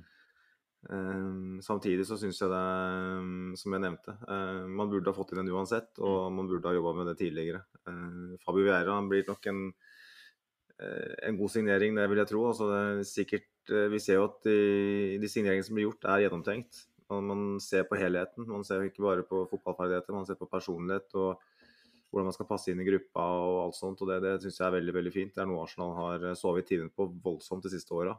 sånn at det, det, det er veldig bra, det. men jeg håper ikke det gikk på bekostning av en, eh, av en defensiv midtbanespiller. Mm. Eh, håper ikke at det liksom skorter på midler fordi at man henter en spiller som eh, Jeg vil si det er behov for den akkurat nå, ja. Og man får den kanskje billigere for at man henter på det tidspunktet her, men eh, det er en det der med eh, Man må bygge grunnmur før man bygger tak, da. Eh, og ja, jeg er litt spent på hvordan det kommer til å slå ut. Mm. Historien ville være dommer her. Eh, hvis vi er heldige med skader nok, Party kommer tilbake, holder seg fit, eh, så kan det jo være at vi, at vi på en måte unngår eh, problemer. Men vi vet jo at det er et jævla høyt spill å spille. Hmm. Så det er en, det er en, en solid rip i laken. Og så har du i tillegg det med den angriperen, men der er jeg ikke så, så kritisk. Fordi at Rafinha har en mulighet. Eh, støtter, støtter dem at de går og prøver seg når du har mulighet på en spiller som åpenbart er attraktiv for alle som kan krype og gå av storklubber. Eh, om ikke det går i orden, så kaster man ikke 500 millioner på en annen spiller bare for at man skal ha en spiller der. For har, der har vi tross alt Altså Fabio Veira, da, når vi, når vi, først snakker om han, han har nå spiller på høyre mm. eh, kant. Sånn at eh, det der med at Bukayo Saka skal bli kjørt ned i kjelleren, det er tja. Det, vi har spillere som kan spille der, og det, det er en den defensive midtbanespillerposisjonen, er den bærebjelken da, i et lag. Den må være i orden. Det må være en kompetent uh, spiller i den, rollen hvis vi skal ha en plattform til å kunne spille det spillet vi ønsker å gjøre. Og Om man ikke får det på plass, det, det trekker ned. Um, det trekker òg ned at uh, man igjen på snodig vis klarer å ikke få inn noe som helst i overgangsinntekter. Um, du har en uh, Bernt Leno som går for uh, en uh, blyantkvesser og en peanøtt omtrent til, til Fulham. Og så dobbelt så mye som det Christian Eriksen gikk fra HamKam til Molde. En barnehagelærer på 28. Ja, det var, var det sikra tre millioner pund der i det hele tatt? Det var vel ganske mange klausuler som la opp til at Fulham måtte klare seg både én og to og kanskje tre sesonger i Premier League for at det skulle utbetales noen millioner? Det ser bra ut nå, da, for de gjør det bra. Men, eh, yes. eh, men jeg tror det var grunn... Var det ikke, var det ikke en, sånn to millioner eller noe sånt i grunnpakke? Så kunne det opp til en sju eller noe sånt. Eh, men eh, i tillegg så får vi ikke solgt PP, selvfølgelig. Det skjønner jeg er vanskelig. Men at vi ikke får solgt Maitland Niles, det syns jeg er ganske utrolig. Mm. Eh, det er en spiller som har vært interesse for av Premier League-klubber i alle ja, helt siden han hva skal jeg si, og slo gjennom nesten. Eh, Ett år igjen på kontrakten, går til Southampton på lån, og da blir det jo utløst en forlenging av kontrakten med Arsenal, som gjør at han nå egentlig da vil befinne seg i akkurat samme situasjon neste sommer. Eh, så mm. kan vi jo da håpe på at han har lagt bak seg en såpass god sesong i Southampton da, at han egentlig har spilt seg opp i verdi. I så måte så kan du argumentere for at det er en god avgjørelse av Arsenal, og håpe på at han har større salgspotensial neste sommer. da. Ja, det, det, kan godt hende. altså. Jeg vet jo at det bor mye fotball i, i Maitland Niles. Men uh, igjen, uh, svakt å ikke få noen penger for den endelig. Uh, utrolig svakt å måtte gi bort Hector Behrin, som var god i Real Betis i, i fjor. som var med å vinne cupen, Copa del Rey i, i Spania. og åpenbart har mye å by på fortsatt, selv om han ikke er god nok for Arsenal. Så i en, en Ja, liga som La Liga, så, Ja, så har han mye å by på. Så at man gir bort han til Barcelona, at man igjen eh, havner i en situasjon der man eh, gir eh, Altså at man luter ryggen for Barcelona. Jeg føler jo den derre Revenka-metaforen kan Kom igjen. på Edu. Kom igjen. Kan komme, det er Edu har òg litt luta rygg. Også, han, eh, han står med nasagrevet nede i en stubbe og snakker om at han ikke har spist på 100 år. Altså, han, han har vel, Du nevnte vel før episoden og Simen, det der med at han selv var ute og sa at når det er en uh, situasjon hvor man har en viss type spiller i troppen, så må man bare betale ut kontrakten og ferdig med det. Eh, som du sier, det er igjen å lute rygg og trekke ned uh, trekke ned bukse. Det er jo dumt og naivt, rett og slett. å komme ut med et sånt intervju midt under overgangsvinduet, var det vel? Det var vel midt i sommer?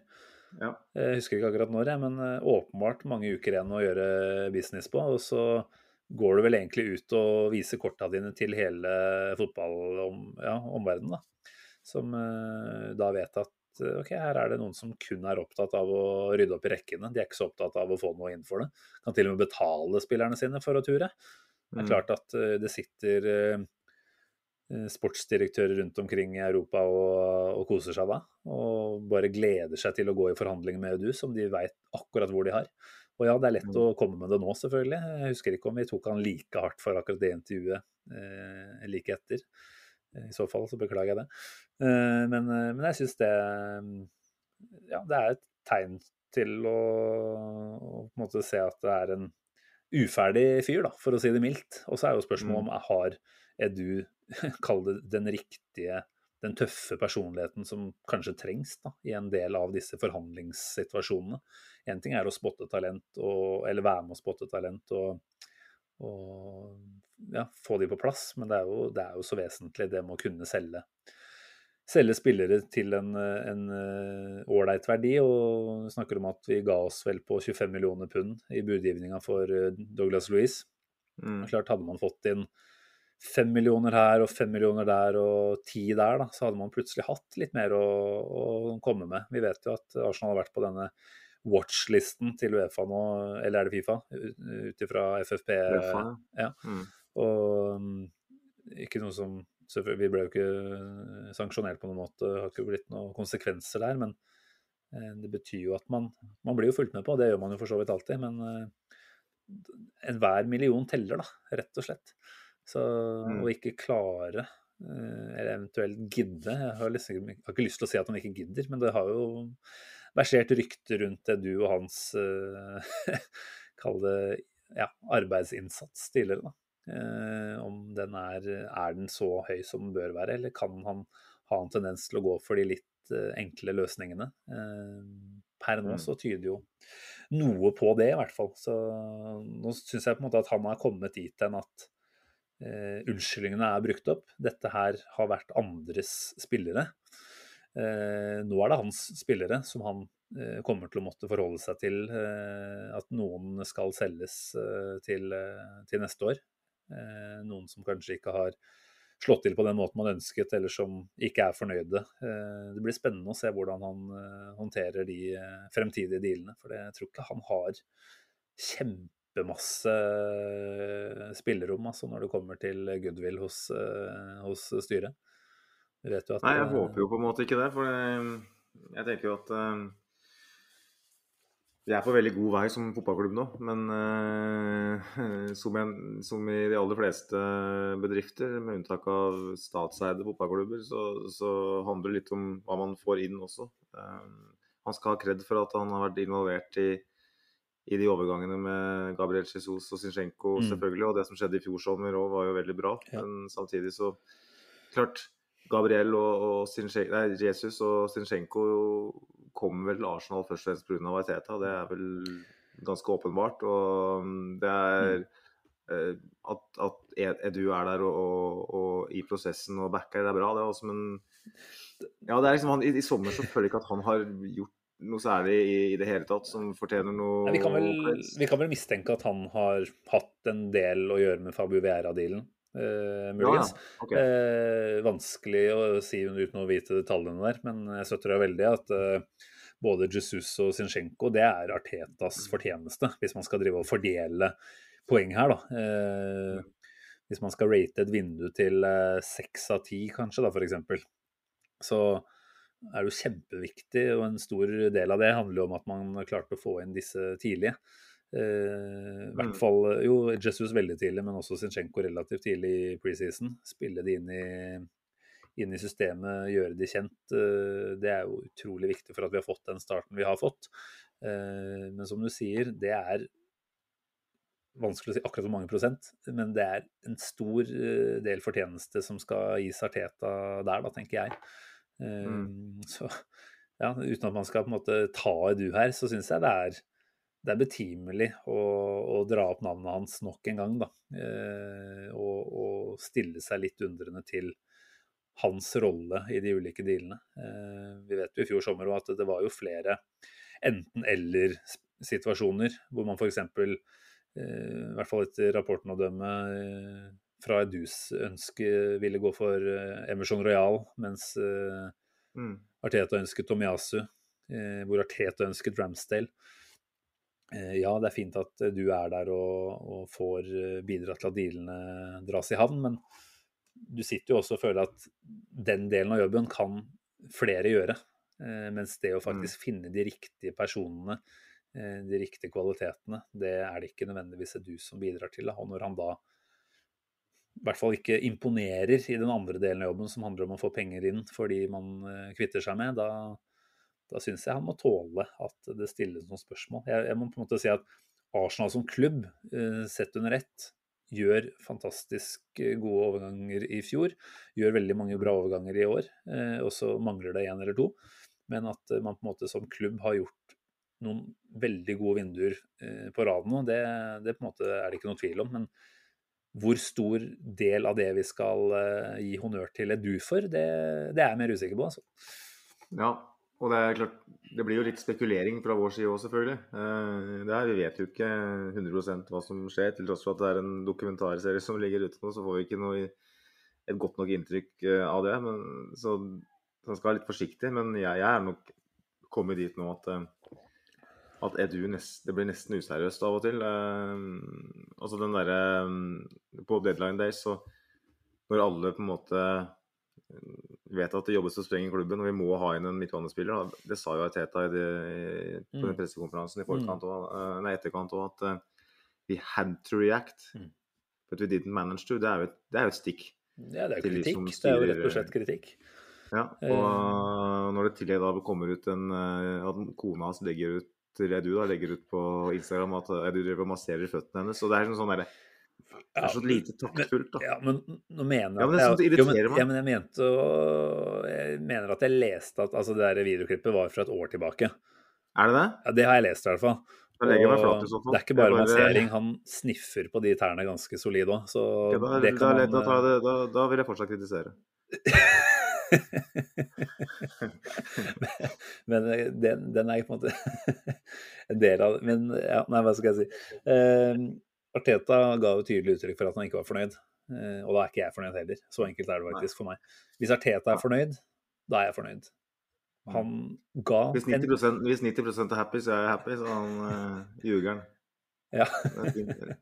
Nei, men han, han, sa at han trengte mer firepower, og han sa at man måtte reagere, som du, som du er inne på her. Da. Og man har egentlig da kommet til kort i to ganske viktige overgangssaker. Uh, da. Så mm, det er uh, Artetas jobb å, å, være med å identifisere og peke på navn. Og så er det andres jobb å få de vanskelige, kronglete dealene i havn. Og, og Douglas Louis var jo definitivt en sånn en. Jeg var jo som vanlig da, selvfølgelig mer optimistisk enn deg, og du var jo veldig tidlig ute og calla veldig korrekt der at Aston Villa eh, ikke hadde ønske om å ta på noe ansikt her, og kanskje i hvert fall ikke mot Arsenal. Eh, selv om vi ga dem Chambers eh, gratis omtrent eh, i, i, januar. Så, så traff det jo blink der. Og, og, det er der jeg på en måte igjen kanskje vil tillate meg å være litt kritisk til du, da. og havne i de der ubehagelige, vanskelige situasjonene hvor du egentlig er med på et pokerspill. Da. Og du mm. må sørge for at du kommuniserer helt riktig, du må spille korta dine riktig hele veien der. Det klarte han ikke. Ja.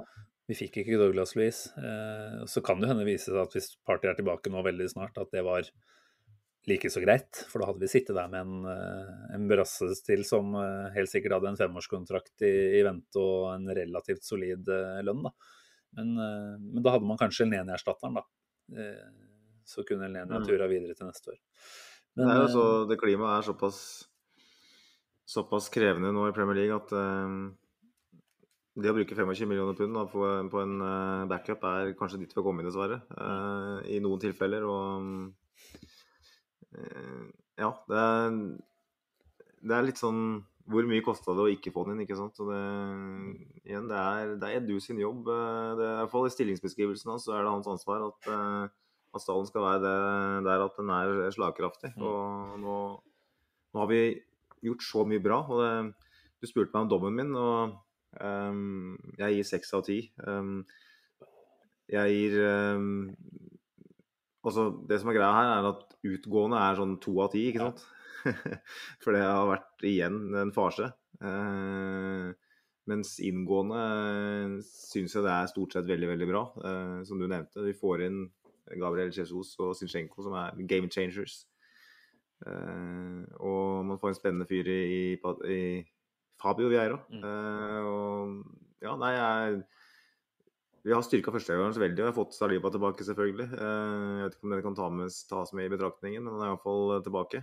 Eh, og en Teknisk direktør har vel òg en, en rolle med tanke på å overbevise om at Mm. Arsenal er rett plass. Og det er viktig å gi en creds der det er mulig for det også. Absolutt. Ja. Vi skal ikke, jeg har ikke noe agenda, men la meg si det så enkelt. Da. Så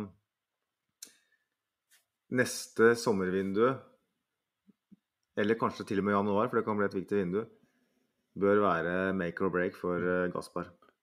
Hvis, ikke det, hvis han leverer på samme nivå når det gjelder utgående, nå etter hvert spillerne blir nesten bare hans og Artetas, Mm. så, så kan det godt hende at han må pakke grillvåter og spyd og ta seg en uh, tur et annet sted. Uh, og nå er det litt fett med et hot take nå i episode nummer 100, da. Så det blir mitt hot take, så får folk bare hate meg for det. Jeg vet det er mange nerder her nå som kommer til å si at ja, men det var jo ikke Det var jo ett år siden han sniffa føttene til kona si, så var det ikke kona, så var det dattera hans òg. Leste jeg akkurat nå. Jeg titra litt. Var noen som skrev det på Twitter. Så igjen, Jeg nerder, som altså lyttere, okay. nerder, okay. kom på banen her og forklare oss hva var det som skjedde her. Nei, jeg vil ikke vite det. Vil ikke vite noe mer om den tåsniffinga der. Eh, nei, men jeg syns det er Og januarvinduet skal vi komme nærmere på. Nå er det faktisk bare ni Premier League-kamper til som skal spilles eh, før vi er eh, tilbake etter eh, VM. Da er det for så vidt én eller to kamper der da, før overgangsvinduet starter. Men eh, Mm. det blir et spennende vindu i januar som egentlig mangler sidestykke hva angår eh, måte å tenke på. da. Man vil jo kunne se på spillere som ikke er i VM, og ha de helt perfekt klare til, eh, til start igjen omtrent etter VM-pausen. Så spennende dynamikk i, i vente der. Men eh, ja, eh, vi er vel egentlig i mål, er vi ikke det? Jeg vil si det. Og Syns vi har klart det. Syns jo det er episode 100 ble fin til slutt allikevel. Og skal ikke glemme at vi tross alt ligger på tabelltopp. Det er jo kanskje dumt å, å ikke sette mer pris på det, da. At eh, ja, vi tapte i dag, men, eh, men faktum er at etter seks eh, serierunder så, så leder vi tabellen. Det, det er tett for så vidt, men eh, det smaker godt, det, altså. Det er tett og fett. Det, det er nesten så det kvalifiserer for en sang, Simen, er det ikke det? Kom igjen. Nei.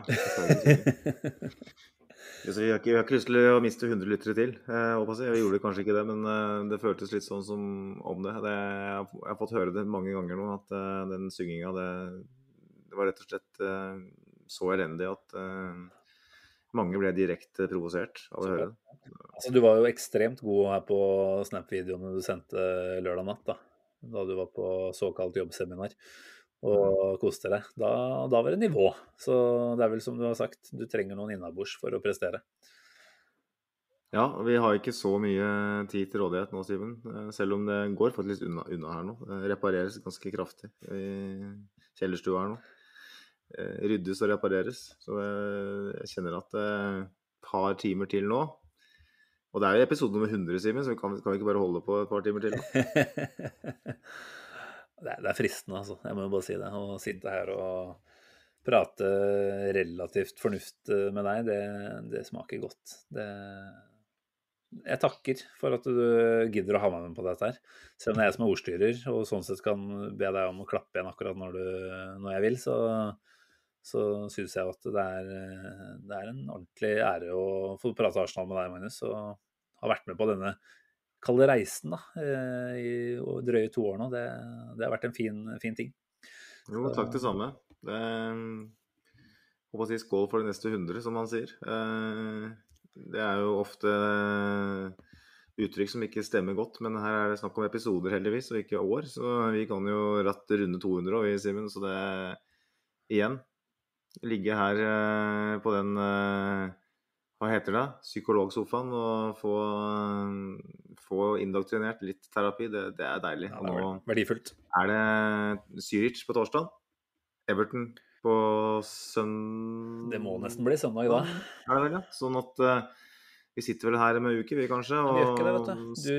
du. har fått oppdrag av meg om å få med deg gjest. For jeg uh, ah. turer jo av gårde på en aldri så liten blåtur på torsdag. Og veit ikke når jeg kommer hjem på søndag. Og tviler sterkt på at jeg er i særlig form. Så den må du rett og slett ta ansvar for. Sør her, ja. Akkurat. Jeg trodde vi hadde snakka om det her, men kanskje ikke. Nei, det var nytt for meg, men sikkert for at jeg ikke hører etter. jeg tror det. men, men, dette klarer du. Dette blir bra. Du, du er jo stort sett eh, ekstremt flink til å både hanke inn gode gjester og gjøre de gode. Så jeg har veldig troa på at det blir en fin 101. episode også. Ja, vi får håpe det, da, du har rett til det. Eh, jeg er ikke like sjølsikker der, men vi, vi, vi, vi, får se. Men i alle fall så håper jeg at uh, lytterne er med òg når vi har uh, blitt tresifra. Og rett og slett kjører kjøre på. Det treet her vokser inn i lyttertimeren så det gjaller etter. For jeg er ganske sikker på at vi snakker om en trepoenger eh, neste gang. Oh, det blir deilig. Det er det jeg trenger å høre på slutten av en uh, halvannen times pod fra deg, Magnus. At Arsenal har gode muligheter mot uh, Everton i neste Premier League-kamp. Da blir det en fin uke. Taktisk uh, maltraktering av Frank Lampard fra Tetas side, det er vi vant til, så det, den her tar vi. Ok, ok, den er bra.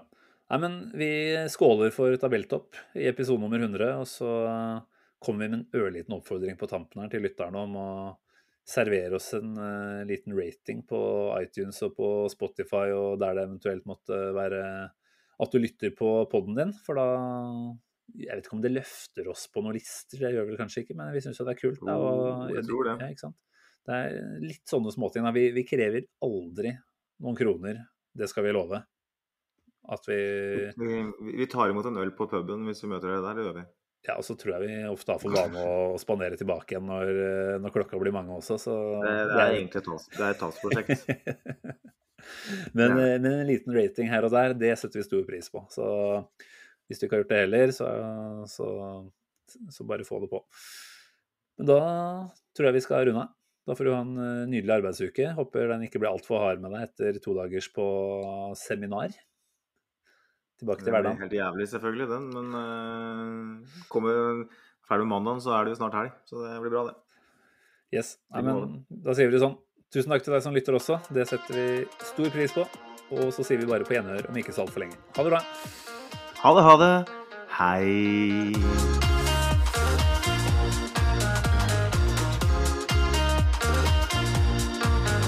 This train terminates here.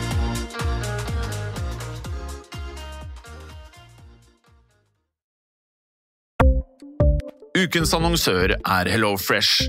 HelloFresh er verdens ledende matkasseleverandør og kan være redningen i en travel hverdag. Mange av oss har nok vandret i butikken både sultne og uten en plan for middagen, som ender med at vi går for de samme kjedelige rettene gang på gang. Middag burde være dagens høydepunkt. Som HelloFresh kan du nå velge mellom 25 ulike retter hver eneste uke, eller få HelloFresh til å sette sammen menyen for deg. Dette gir deg muligheten til å prøve nye og spennende retter alene eller sammen med familien. Du velger antall porsjoner og får alt levert på døren på et tidspunkt som passer for deg. Oppskriftene er enkle, og maten er lett å lage både for store og for små. Ved å få alt levert hjem får du også mer tid til å dele matgleden med familie og venner. Kanskje det frister med asiatiske tacos eller greskinspirert kylling? Da kan jeg anbefale deg om å gå inn på hellofresh.no. Her kan du bruke koden FOTBALL og få opptil 1779 kroner i rabatt på de første fem matkastene hvis du ikke har prøvd Hello Fresh tidligere. Du kan også bruke rabatten hvis du har vært kunde og stoppet abonnementet ditt for tolv måneder siden eller lengre. Gå inn på hellofresh.no og bruk koden FOTBALL. Har du et enkeltpersonforetak eller en liten bedrift? Da er du sikkert lei av å høre meg snakke om hvor enkelt det er med kvitteringer og bilag i fiken, så vi eh, gir oss her, vi. Fordi vi liker enkelt. Fiken superenkelt regnskap.